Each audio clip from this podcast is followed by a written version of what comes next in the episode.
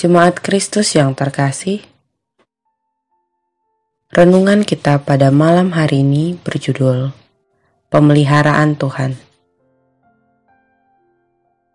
Dan bacaan kita diambil dari kitab Yoel pasal 2 ayat 21 sampai dengan ayat 27. Beginilah firman Tuhan. Jangan takut hai tanah, Bersorak-soraklah dan bersukacitalah, sebab juga Tuhan telah melakukan perkara yang besar.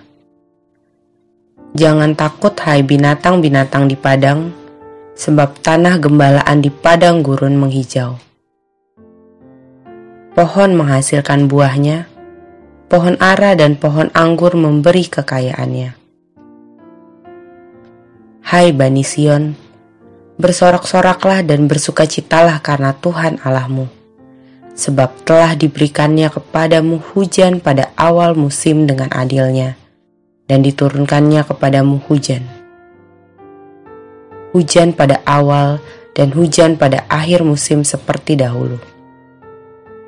Tempat-tempat pengirikan menjadi penuh dengan gandum, dan tempat pemerasan kelimpahan anggur dan minyak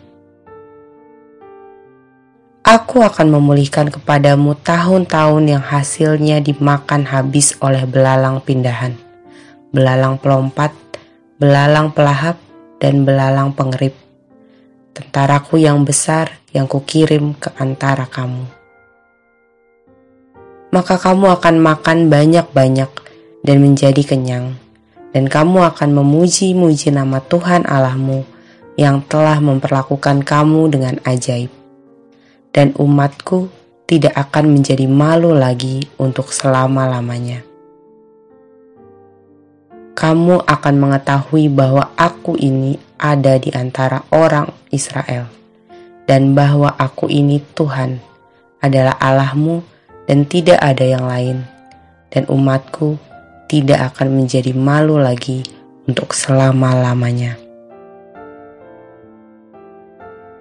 Tidak terasa kita sudah memasuki bulan Oktober yang mulai memasuki masa penghujan. Dalam aktivitas sekarang, kita mulai memperhitungkan apakah cuaca akan mendukung atau tidak. Semua itu menjadi persiapan lebih apalagi kita terbiasa beraktivitas di luar ruangan. Memang ada beberapa orang yang khawatir saat memasuki musim penghujan karena beberapa usahanya terganggu. Namun juga, dalam kekhawatiran itu selalu ada rasa syukur karena hujan tetap dilihat sebagai wujud berkat yang dianugerahkan oleh Tuhan. Dalam melihat pemeliharaan Tuhan, kita perlu melepas sikap egois kita. Jangan hanya fokus untuk pemenuhan berkat kita, namun mengesampingkan kebutuhan orang lain bahkan mau mengorbankan usaha dari orang lain. Misalnya saja, kita berharap hujan deras hanya demi bisa tidur nyenyak dan tidak memikirkan orang-orang yang berjualan kaki lima, yang mengharapkan cuaca terang agar lebih besar potensi dagangannya terjual. Tampaknya hal ini sepele, namun tidak bisa kita pandang sebelah mata.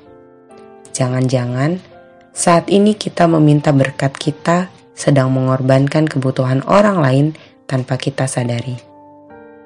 Dari bacaan kita saat ini, kita diingatkan bahwa pemeliharaan Allah akan terus ada dalam kehidupan kita. Musim terus berganti dan segala sesuatunya diperbaharui oleh Allah setiap waktu.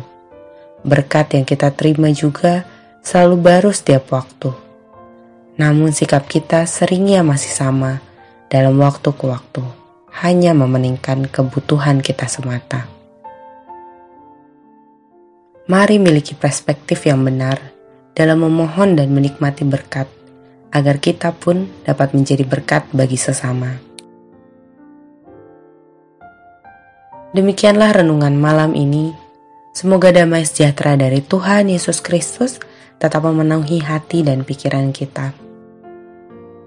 Amin. Jemaat yang terkasih, mari kita bersatu hati menaikkan pokok-pokok doa yang ada dalam gerakan doa 21 GKI Sarwa Indah. Mari berdoa.